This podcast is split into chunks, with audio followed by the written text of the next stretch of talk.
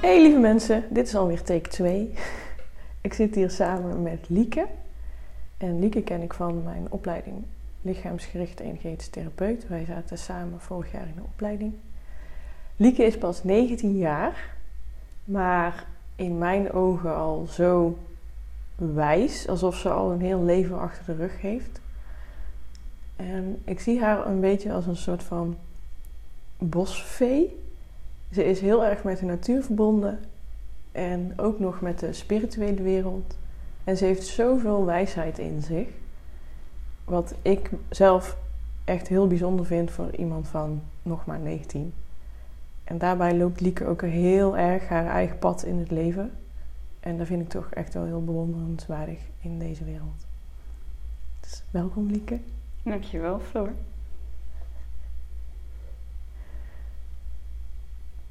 Um, kun jij in het kort vertellen wie jij bent?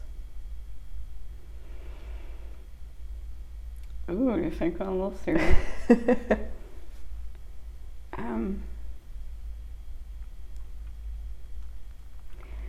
ik denk dat ik um, ja, gewoon heel erg aan het zoeken ben van. Uh, en ik denk mijn generatie met mij en ook jouw generatie van ja, wat, wat wil ik en hoe wil ik leven en wat uh, werkt voor mij fijn daar. En soms dan loop je tegen een paar dingen aan van de maatschappij, hoe het altijd is geweest. Dan denk je, ja, ik vind eigenlijk dat ik dat moet veranderen. En soms gaat dat makkelijk en soms wat minder. En uh, ik probeer dat heel erg bij mezelf te blijven, zoals zei, met de natuur. En met alles wat er is. En dat wil ik ook heel graag uitdragen naar anderen, naar mijn cliënten in de praktijk. Van hoe wil jij zijn? Hoe wil je leven? En wat heb je daarvoor nodig? Hm. ik vind het zelf dus zo bijzonder dat jij dus zo jong bent en daarin al zo'n heldere visie hebt. Is dat iets wat je altijd al hebt gehad of hebt gevoeld? Um, ik denk het wel. Ik weet nog dat ik als, als ik er nou terugkom, dat ik terugkijk erop, dat ik echt als klein meisje dacht van, um, maar dat was heel erg een, een gevoel. Dat van ja, waarom kan het nou niet harmonieuzer? Waarom moet het allemaal zo straf en rigide? En, en volgens de regeltjes, als we het ja, gewoon vanuit ons gevoel doen, dan is dat toch veel fijner voor iedereen. En um, toen ik in contact kwam met meer spirituele ja, dingen, meer mindfulness, um, voelde ik me daar zo thuis in, omdat het veel, ja, omdat er gewoon niks hoefde. En ik mocht gewoon zijn wie ik was. En daarin ook steeds meer voeten in de aarde kreeg. En ja, met de stap naar meer lichaamsgerichte therapie um, kwam eigenlijk ook dat, ja, dat stukje heling van mij. Van het is, um, het is of uh, heel erg volgens regels en opleiding en geld verdienen en wat dan ook. Of het is juist helemaal een beetje meer los, hè, volledig in de spiritualiteit. kwam het voor mij veel meer samen dat ook... Uh, pijn en heling naast elkaar kunnen bestaan daarin. Wat is jouw weg daarin geweest? Um, toen ik wat in de middelbare school, toen uh, ging ik naar. En even jongens voor de record, dit is toch, dit is middelbare school voor Lieke pas een paar jaar geleden. ja, dat klopt. Dan ging ik naar de meditatiecursus en de Reiki-opleiding uh, gedaan. En dat was heel vrij, dat was ook altijd heel positief. En uh, heel fijn om dat spirituele te ontdekken en die wereld van energie, zeg maar. Maar hoe oud was jij dan toen je dat ging doen? Um, ik voelde me in de eerste en in de basisschool voelde ik me eigenlijk altijd heel erg afgesloten en zwaar en niet fijn. En toen uh, in de eerste ging dat best wel wat erger, dat ik niet meer met mijn ouders wilde communiceren. Ik voelde me altijd een soort van boos en gefrustreerd. En, uh, ja, misschien wel een beetje depressief. En ik deed het wel, maar ik was eigenlijk helemaal niet gelukkig. En waarom ik niet gelukkig was, wist ik ook eigenlijk niet. En toen zei mijn moeder, want ik heb altijd al paarden gehad, kom, ik heb een leuke paardencoach gezien dichtbij. Wij gaan met z'n drieën, hè, mijn moeder, mijn zus en ik. En we zaten allemaal aan de paarden, een paardencoaching doen. Want paarden zijn Mm. altijd leuk. Dus zo heb je me eigenlijk meegelokt. Lieke, paarden zijn leuk. Ja. Ja. En ehm, het bijzondere was dat mijn moeder en mijn zus die gingen eerst. En die, we hadden allemaal een ander paard, ze hadden meerdere paarden. En die kwamen heel erg eh, hun eigen dingetjes tegen. Oh, grenzen aangeven en daarin. En bij mij wist ik eigenlijk niet zo goed welk paard voor mij was. En toen kwam die coach bij me staan en die zei... eh, ik denk dat dit het goed, het juiste paard voor jou is. En toen gingen we kijken wat er naar boven kwam. En toen zei ze, eh leid dat maar paard maar. Want ik denk dat jij een leider bent. En dat was dus ook het leidpaard. En ze zei, want ik denk dat hij jou wil volgen. Want dat leiderschap is, voelen is zijn, is niet eh, manipulatie of macht. En toen deed ik dat. Toen zei ze, vanuit je zonnevlecht, vanuit je, als het ware, je zaklamp in je buik, ga je schijnen. Zullen we daarheen gaan? En dat paard dat volgde gewoon. Hmm. En ik stond dus los van het midden in de bak. En dat paard liep om me heen. En nou, doe het tempo maar omhoog. En maar weer omlaag. En vraag hem maar, wil hij bij je komen? En dat ging zo fijn. En dat was zo'n kracht als het ware. En ook zo'n snak naar adem voor mij van... Oh, maar dit is eigenlijk wie ik ben. Hmm. En dat voelde gewoon zo fijn en daar wilde ik veel meer van leren. En zij was ook een heel leuk mens. Eh, en zij gaf één keer in de maand meditatieavond en een cursus Reiki. Dus die heb ik samen met mijn zus gedaan. Als een soort van basis in energie en healing. En in de spirituele wereld misschien wel. En ja, dat was gewoon ontzettend gaaf. En daarin dus meer ontwikkeld. En meer geïntegreerd. En op een gegeven moment hè, zijn wij samen de lichaamsgericht energetische therapeut Mhm. helemaal vol Ja. opleiding gaan doen. Eh, afgekort tot LED. is wel handig. Is handiger. En daarin kwam gewoon ook zoveel van, ehm, van het meer op aarde brengen van dat licht en dat gevoel naar boven. En ook je eigen pijn en overtuigingen en blokkades daarin aanzien. En niet meer hoeven te laten vechten, maar juist ook eigenlijk net zoals het paard te kunnen leiden met liefde Hmm. en met zachtheid. Van oh, kom maar deze kant op. Misschien is het wel spannend, maar ik denk dat het wel lukt. Ja. En hoe heb jij dan geleerd voor jezelf dat peiling, pijn en heling naast elkaar kan bestaan? Ik vond het zo leuk dat je deze eruit pakt. Want toen ik zei, dacht ik van, oh, maar klinkt helemaal niet logisch. Soms dan zeg ik dingen en ik achteraf van, maar dat klopt helemaal niet. Maar misschien klopt het juist. Vaak klopt het dan op een manier wel. Ehm, ja, met het pijn bedoel ik misschien wel de...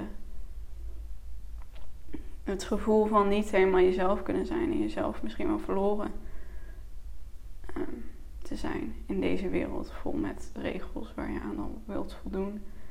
En dan eigenlijk ook juist steeds meer die, die heling daarvan. Ehm, en jezelf ehm, toe te staan om daarvan weg te gaan. Dat het gewoon naast elkaar kan bestaan. Dat het misschien niet 100% het ene is of 100% het andere. Maar dat het altijd de weg daartussen is. En dat dat ook samen mag gaan. Ja. Heeft jou, ehm, je hebt, eh, toen wij begonnen aan de opleiding, zat jij best wel heftig in jouw ziekte van Crohn gebeuren. Heeft dat daarin ook nog een belangrijke rol gespeeld? Ja, ik denk als ik dat nou zo terugzie, ehm, dat dat wel echt een hele verdieping was die ik nodig had. Zoals ik zei toen ik ehm, in de middelbare school ging, ik wel steeds meer met dat spirituele, maar was het eigenlijk heel erg alleen maar positiviteit. En alles voelde zo fijn en het was ook zo fijn. En alleen maar goede energie en dat was ook wel zo. Ehm, maar er werd eigenlijk nooit stilgestaan bij, ja, maar wat nou als dat niet zo is? Mag ik ook, misschien, het voelt voor mij ook alsof het heel erg was. Ja, En eh, voor de mensen die dit luisteren, ik maak nou een soort van ehm, zweverige beweging boven mijn hoofd. Zo, ja, zo lekker wegzweven van En, eh, deze aardse werkelijkheid. Dat, ja, en dat zie je misschien soms ook wel met die mindfulness practices. Of dat ze eigenlijk alleen maar naar het fijne gaan. Ehm, als je jezelf heel spiritueel ziet, vaak is dat dan ook wel. Weet je, dan gaan we alleen maar met good vibes en good energy. Ja, maar wat nou als er ook niet zulke fijne dingen zijn in je lichaam? En dat was voor mij ook wel waar ik op terugkwam. Maar ja, dat is er ook. En daar mag ik ook mee aan de slag. En uiteindelijk ben ik daar heel dankbaar voor geworden. Eh, mezelf ook heel erg tegengekomen. Omdat dat wel de, de verdieping was en het landen op aarde wat ik nodig had. En het samen zijn en de liefde voor jezelf en voor je lichaam. Ja. Dat had ik ook nodig om mijn volgende stap hier te kunnen neerzetten. En hoe, hoe belangrijk is voor jou, denk je, of voor iedereen, het, het letterlijk hier op aarde landen en het landen in je lichaam?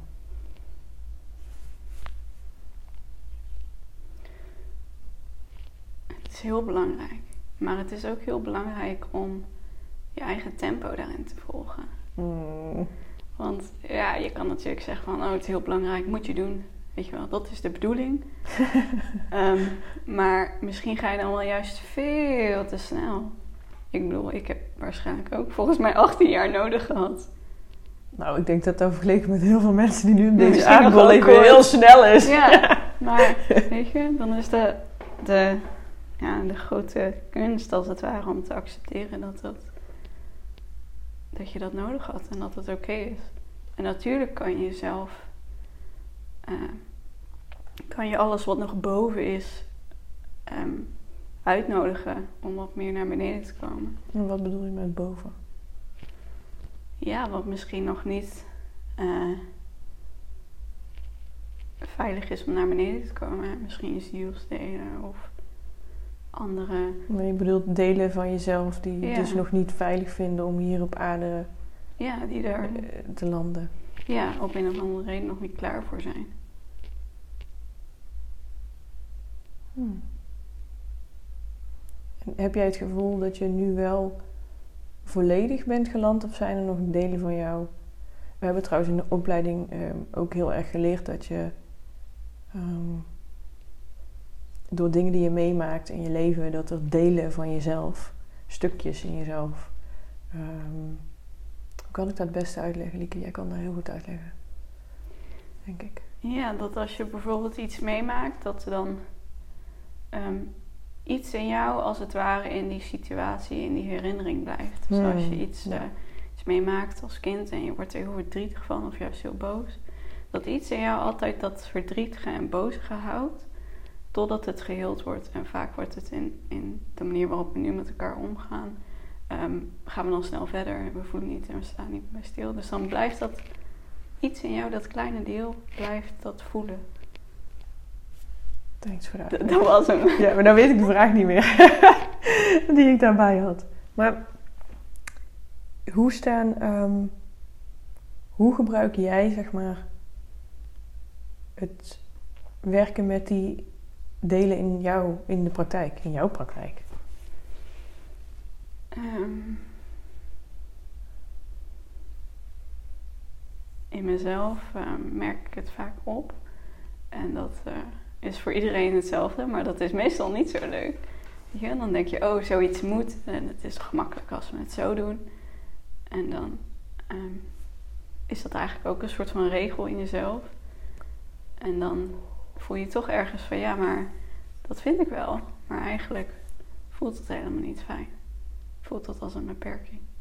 En dat is dan de kunst om dat er even mee te zijn, om er even voor te gaan zitten. En het even af te vragen, als het ware alsof je een kind tegenover je zou hebben. Hoe voel je? Waarom voel je je zo? Ik begrijp dat je je zo voelt, maar misschien is het ook wel tijd om ja, even te kijken hoe het nu in elkaar steekt. Hoe kun je een concreet voorbeeld noemen van ehm, die jij zelf misschien hebt ervaren? met dit werk? Ehm, bij mezelf? Ja. ja. Of je mag mij ook als voorbeeld gebruiken. Bijvoorbeeld. Ja, Lieke heeft mij ook heel vaak een behandeling gegeven. Ik, ehm, het voorbeeld dat nou even bij me opkomt is, uh, ik heb mijn, uh, mijn paard.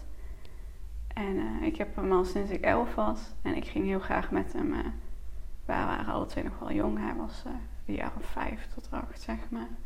En wij gingen dan, hup, naar buiten. Lekker buitenrit. En um, ik was nog helemaal niet zo bewust van ja, wat er met mij omging.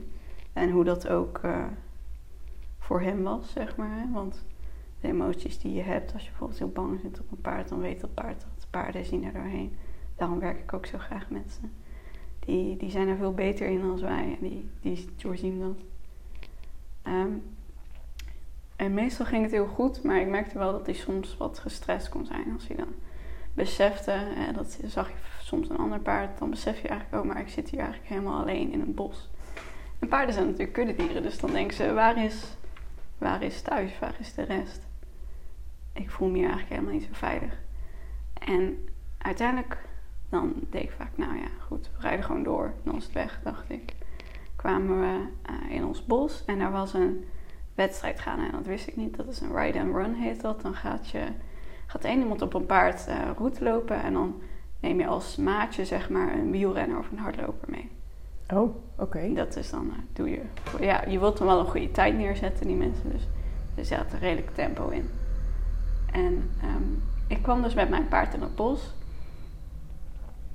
En ik kwam die, die mensen tegen, die kwamen mij tegemoet in hun, in hun route, zeg maar. En ik dacht, nou, dan gaan we wel even voorbij. Maar ik was er eigenlijk ook een beetje, ja, ik had het niet verwacht. Ik dacht, oh, wat is al deze commotie in mijn bos? En ik weet nog wel dat ik die mensen passeerde. En mijn paard dacht: dit is te veel. Dit is onveilig. Ik ga weg. Dus die draaide om en die ging gewoon in volle galop even terug naar huis. Hmm. En uh, ik zat er nog wel op, maar ik dacht echt: dit, wat, is, wat is dit?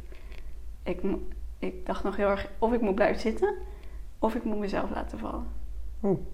Maar ik dacht: ik blijf zitten en ik ga kijken of ik hem toch nog een soort van uh, rustig kan krijgen, weer naar stilstand. En uiteindelijk lukte dat wel.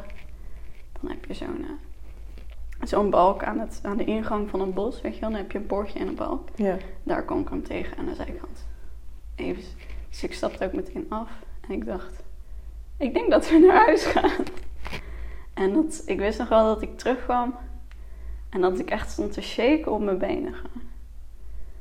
En um, dat vond ik toen heel heftig, omdat dat ook een soort van um, misplaatst vertrouwen of zo. Ik had zo'n vertrouwen in mijn paard van oh, we gaan gewoon lekker op bosrietje en hij kan het allemaal aan. Um, maar voor mhm. hem, dat zie ik nu, was het gewoon super onveilig. Hij was weg, er was een spanning. Die mensen die hadden echt een tempo van hup, we gaan de race rijden. En dat was gewoon te veel voor hem. En um, toen kon ik dat niet, kon ik daar niet mee omgaan. Ik was me er helemaal niet bewust van. En dat heeft bij mij ook wel heel veel spanning en onveiligheid gebracht in mij. En daar heb ik wel heel erg mee gewerkt, omdat het toch ja, echt een fantastisch gevoel is voor mij als ik lekker met hen naar buiten kan. Hmm. En dat heb ik eigenlijk zowel dat, dat onveilig, onveilige deel, wat zich niet veilig voelt, dat heel veel spanning heeft, heb ik zowel in hem als in mijzelf moeten leren zien en helen en tot rust brengen. Hmm.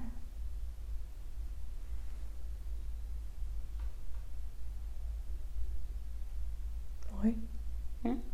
Ja. Is daar iets wat je soms nog steeds kan voelen? Ja. Dat stukje onveiligheid? Ja, zeker zo. Um, met mijn paard af en toe als ik voel dat hij ook uh, zijn stress omhoog gaat, mm. gaat mijn stress omhoog. En andersom natuurlijk ook. Dus dat, werkt heel leuk. Um, maar ook in, in, situaties waar ik denk, oh, ik voel me hier helemaal niet fijn. Ik ben, hè, zoals jij weet, ik ben absoluut geen, geen stadsmens. Nou vind ik de stad hartstikke leuk. Maar als ik dan op zo'n heel druk punt zit en dan iedereen gaat maar door, dan denk ik, eh, voel ik me toch wel onveilig. Omdat er niet echt iets is in de omgeving wat dan verbinding heeft met elkaar. Wat elkaar ziet. Want Hmm. iedereen gaat maar door en door en door. En denk ik, Voel jij dan ook bijvoorbeeld aan dat die mensen eigenlijk ook geen verbinding hebben met zichzelf? ja, ik denk het wel. Hmm. Nou is dat natuurlijk moeilijk te zeggen, want je kent die mensen niet. Maar voor mijn gevoel is het dan wel zo. Ja. Dus verbinding voor jou is heel erg belangrijk. Ja, En als jij dus voelt dat er ergens in de omgeving dus geen verbinding is met eigenlijk wat leeft, ja, dan voelt het heel onveilig. Ja, Dus toen met het paard ging je eigenlijk ook uit verbinding, of ging het paard waarschijnlijk uit verbinding. ja. En toen voelde dat super onveilig. Ja, voor mij wel. Mooi dat je hem zo zegt. Ik had hem zo nog nooit beseft. Ja, Maar dat klopt wel. ik heb je ook echt leren kennen als iemand die zo'n diepe connectie heeft met inderdaad gewoon al wat leeft. Ja, en ik blijf er maar op terugkomen. Maar ik vind het echt heel bijzonder voor iemand van jouw leeftijd. Want dat je daar altijd al zo sterk hebt gevoeld. Dat die verbinding dus voor jou met dieren, planten, gewoon de natuur, moeder aarde, zo essentieel is. En ik... ehm, ik wist heel goed dat op het moment dat ik me besefte dat... Ik dacht altijd iedereen heeft dat of zo. en op het moment dat ik besefte dat dat niet zo was. En dan dacht ik, ja, maar voor mij is het zo... Zo'n gegeven, omdat gewoon... Dat is wie ik ben, wie ik al 19 jaar ben. En ik... Soms is het... Het is ontzettend fijn om, om die verbinding te ervaren. En soms is het wat, wat minder handig als je een dag in Amsterdam moet rond zijn. Dat je denkt, oh, maar... eh, ja, hoe ga je dan met jezelf om als dat niet de mogelijkheid tot verbinding er is? Ja, want hoe doe je dat als je dan toch op een of andere manier in een stad of op een drukke plek moet zijn? Nou, dat, eh, dat is ook echt een, een leerproces geweest. Eh, om dan. Want het is voor mij heel fijn om die verbinding ook met de omgeving te hebben. Ehm, en dan, hè, zoals je zei, word ik dan onveilig. Voel ik me onveilig als dat er niet is. Ja. Eh, maar dan vergeet je eigenlijk dat je zelf ook een punt van verbinding bent. Hmm. En dat leer ik steeds meer om mezelf dat als te zien. Hoe meer van jou gevoeld is, eh, gevuld is met verbinding, ehm, hoe minder er eh, ja, andere dingen in kunnen. Dus hoe onveiligheid. veiliger jij je voelt in jezelf, Ja, dus hoe makkelijker het is om ja, op zo'n soort plek te zijn, zoals Amsterdam. precies. Hmm. En hoe zorg jij er dan voor dat je die jezelf zeg maar steeds meer vult met jezelf? Dat, is, ja, dat zijn zoveel verschillende facetten. Je hebt natuurlijk gewoon je, je. Als je dan van boven naar beneden zou kijken, je indaling. Maar ook je, nog steeds je connectie met wat er boven is, dat hoeft natuurlijk niet weg. Dat mag er net zo zijn. En dan gewoon het feit van ja, voel je je voeten, voel je je tenen. Een stuk Een lichaamsbewustzijn. stuk lichaamsbewustzijn. En voor mij komt daarna een stuk aardingen. Heb je je wortels naar, naar beneden eh, en ook naar boven. Dus het gaat allemaal om balans. Ja, maar dat is het moeilijke. Wanneer is er balans? Ja, En wil je altijd streven naar dat perfecte midden, maar ik denk niet dat dat mogelijk is. Ik denk dat je elke dag een beetje meer van dat, minder van dat. En dat het zo door elkaar heen gaat. Hmm. Ik vond het wel interessant wat je net zei over ook een stukje voel je voeten en voel je handen. Dat is natuurlijk ergens een beetje waar ik heel erg mee bezig ben, met echt het stuk, stuk lichaamsbewustzijn.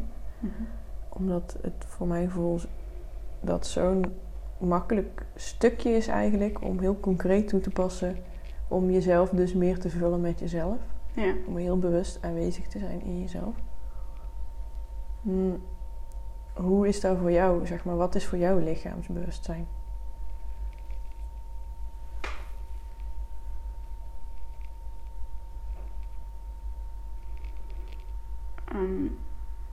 moet even over nadenken hoor. Voor mij is lichaamsbewustzijn wat je zei.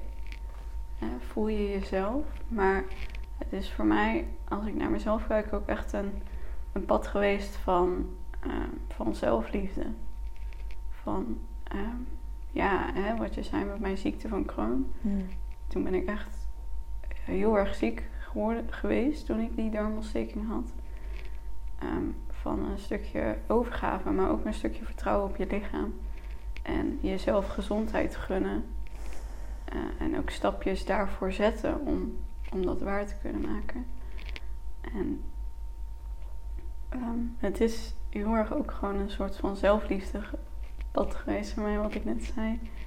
Om, om echt aanwezig te zijn voor je lichaam. Dan komt er in mijn ogen, als je dat stapje zet. En soms moet je inderdaad door, ehm, door wat verwonde delen heen. Door wat delen die nog in een, in een emotie zitten. Hmm. Maar uiteindelijk kom je dan altijd bij zelfliefde. En dat stroomt voor mij heel erg. Ehm, maar het, het is voor mij ook het, het gevoel oké te zijn als je een keer wegdroomt. Dat betekent niet dat je volledig weer opnieuw moet beginnen of zo. Dat je denkt, oh nee, nou heb ik geen contact meer. Het is in wezen, je hebt altijd contact. Als je geen lichaamsbewustzijn meer hebt, Mhm. dan, dan zou je niet leven. Nee, dan ben je. Ja, maar er zijn denk ik wel veel mensen die.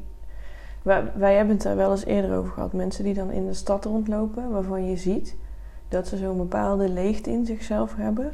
Ja. Nou, ik denk dat die mensen ook geen lichaamsbewustzijn hebben. Zo voelt het in ieder geval niet voor mij. Maar die zijn er nog wel. ja. Maar hoe verklaar je dat dan? Ik denk dat je altijd gewoon een bepaalde percentage lichaamsbewustzijn moet hebben. Ja, dat kan dan Ja, anders natuurlijk kan- ook zijn. ehm, ja, gewoon op een heel laag niveau. Ja, precies. Ja.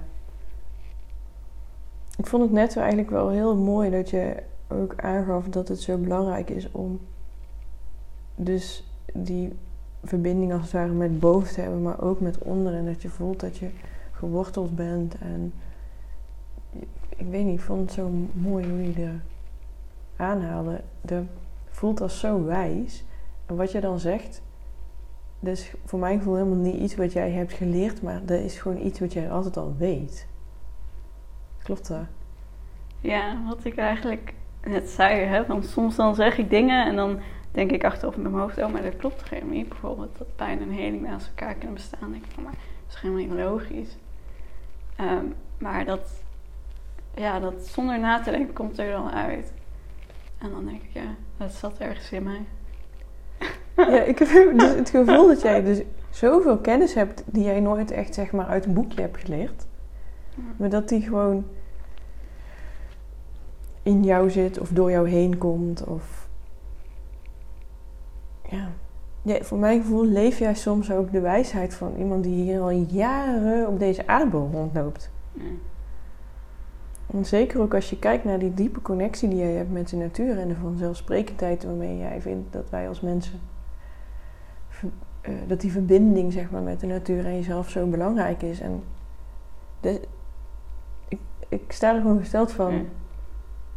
Hoe normaal dat voor jou is. En dat je dat dus eigenlijk Ja. nooit echt een soort van bewust hebt geleerd, maar dat er iets Ja. is wat gewoon allemaal in jou zit. Ja, en voor mij ja, is dat gewoon zo of zo. En ik heb ook wel ervaren natuurlijk toen ik ziek was of toen ik ehm, in een middelbare school zo, zo zwaar en een beetje depressief voelde. Van ja, dit is de andere kant voor mij. Dus welke wil je kiezen? En Hmm. dat was voor mij van ja, eigenlijk heel graag voor deze. Al weet ik dat het ook niet altijd makkelijk zou zijn. Maar de andere kant is ook niet makkelijk. Mm, Depressief zijn en je zwaar voelen. Ja, dat is Zeker ook niet. heel moeilijk. Is natuurlijk ook een weg voor veel mensen om Ja. te bewandelen. Ja. Jij zei net ook iets heel moois over mm, dat je je eerst dus dacht van iedereen heeft toch die connectie en iedereen weet het toch? en dat je je dus ineens heel erg bewust werd van oh nee dat is helemaal niet zo. Wanneer werd je daar bewust van en hoe werd je je daar bewust van? Ehm, het was eigenlijk heel leuk om. Ehm, ik ging dus ook een beetje naar, uh, naar de meditatiecursussen en steeds meer cursussen en opleidingen in dat gebied, hè, lichaamsgerichte therapie. Uh, waarin ik eigenlijk uh, ja, by far altijd de jongste was. en um, dan zag ik volwassenen en iets in mij, hè, als kind heb je van, oh, volwassenen zijn zo, zijn zo volwassen en die kunnen alles en die hebben alles op een rijtje, perfect. Mhm. Hè? Die Dat is weten de alles. illusie van een kind. Ja, de illusie van een kind. Dus ik dacht, ja, die weten dat toch allemaal al lang. En die, die weten dat en die voelen dat. En, eh, en toen ehm, was dat een beetje, ja, ja, geïmponeerd, zeg maar. En door die illusie van een kind. En toen gingen ze vertellen over de problemen en over dit en dat. Nou ja, goed, ze waren dan heel open en dat was heel fijn. Maar toen kwam echt zo'n besef bij mij, weet je. Die illusie werd echt doorbroken. Want volwassenen, ja, hebben ook gewoon hun problemen en wat dan ook. En toen, Mhm. Maar toen ook wel meer besefte ik me, ja, maar ze doen eigenlijk best wel moeilijk. Ze zijn helemaal niet zo, zo in verbinding als dat ze zeggen dat ze zijn. ja. En hoe kwam je dan zeg maar, zelf tot de conclusie van... hé, hey, maar ik, hm, ik weet sommige dingen wel al en jullie niet. Ja. Wat deed dat toen met je? Ik was heel erg ehm, ja, verrast. En het was ook weer zo'n momentje van, oh ja, maar ehm, wat ik heb is, is wel bijzonder. En ik eh, deed dat altijd een beetje af van, oh, maar iedereen heeft dat toch. Dus ergens was het logisch, maar ergens was het ook een beetje van, ja, maar iedereen heeft het toch. Weet je wel? Doe, doe maar normaal, dat doe je al gek genoeg, zoiets. Oh nee, dat is toch niet zo eh, vanzelfsprekend als ik dacht dat het is. Ja. Mag ik ook best wel ja, trots op zijn. Kon je daar ook vanaf het begin af aan al trots op zijn? Nee, en dat was omdat ik het soms ook heel moeilijk was voor mij om zoveel al te, te voelen. Weet je, als je hetgene voelt wat in verbinding is, voel je voor mijn gevoel ook automatisch als het niet in verbinding is. Ehm, en dat was soms wel heel moeilijk voor mij. Omdat er voor mij ook nog geen duidelijkheid was dat ik dat eigenlijk waarnam. Ja. En hoe ik dat dan kon reguleren bij mezelf. En er En was ook niemand in jouw omgeving die jou dat kon leren toen, toen je heel jong was. Nee. Nee, mijn ouders die... Ja, zijn hartstikke lieve ouders, maar daar, daar waren zij ook nog niet. En ik denk dat je dat ook heel erg wel terugziet in, in ja, mijn leeftijdsgeneratie, zeg maar. Is dat ze eigenlijk heel gevoelig zijn. Maar dat ze dat niet beseffen. En dat hè, ook veel mentale problemen en al die dingen daaromheen, dat dat eigenlijk veel meer vraagt van hun van ja, maar kom eens thuis. En dat ze eigenlijk niet, niet weten dat dat de vraag is. Ja. Dus de- daarom ook de reden dat jij dus ook echt met die doelgroep zelf wil werken. Met je eigen Ja. leeftijdsgenoten eigenlijk. Ja, met leeftijdsgenoten, iets jonger en iets ouder. Ehm, dat klopt, ja. Ja. Omdat je ze eigenlijk wil thuis laten komen in zichzelf. Ja, eigenlijk wel. Hmm. En wil laten zien, ook misschien van hé, hey, kijk, hey, ik, ik voel je, ik zie je in Ja. je struggles. En Ja, ik weet hoe het is als je veel kan voelen, maar je weet niet wat je ermee moet doen. Of Ja. wat je ermee aan moet aan. Wat je ermee aan moet. Ja. Wil ik een mooi bruggetje maken naar het einde. En mag je nog even kort uitleggen, misschien voor de mensen die luisteren, wat je dus precies doet en wie je helpt met jouw praktijk. Met praktijk En waar leren, ja. mensen je kunnen vinden. Oh ja. Ehm, ik eh, bied verschillende dingen aan. Eigenlijk eh, in eh, ja, drie manieren. Ik heb, eh, bied lichaamsgerichte therapie aan, hè, waar ik Floor heb ontmoet. En ehm, dus heel erg van ja, ook eh, welke problemen zitten in je, waar loop je tegenaan? En ehm, hoe bereik je nou eigenlijk wat je wil en hoe weet je wat je wil? En daarmee gaan we ook met allerlei creatieve dingen aan de slag. Ik ben helemaal niet een saaie, blijf lekker een uur op de bank zitten persoon. We kunnen naar buiten tekenen, beweging, van alles is mogelijk. Dus dat is lichaamsgerichte therapie. Ik werk met paarden, met paardencoaching. Hmm. En dan eh, heb je eigenlijk hetzelfde, alleen dat we dan het paard nog als, eh, ja, als mentor meenemen in onze sessie. Zoals jij eigenlijk zelf ooit hebt gehad toen je Ja. jong was. Ja, dat klopt. En eh, ik doe ook eh, shamanisme en dat is eigenlijk eh, de derde pijler, is dat we dan eigenlijk de natuur met ons meenemen als mentor, Hmm. als eh wegwijsbordje. Maar eigenlijk komen ze alle drie vanuit hetzelfde bewustzijn, vanuit hetzelfde startpunt. Alleen dan met een, andere, ja, met een ander wegwijsbordje.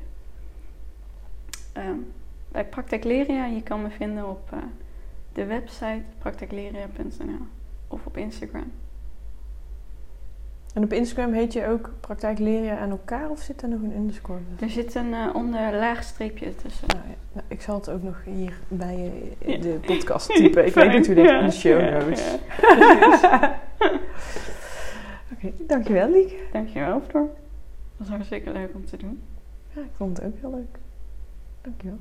Dag lieve mensen.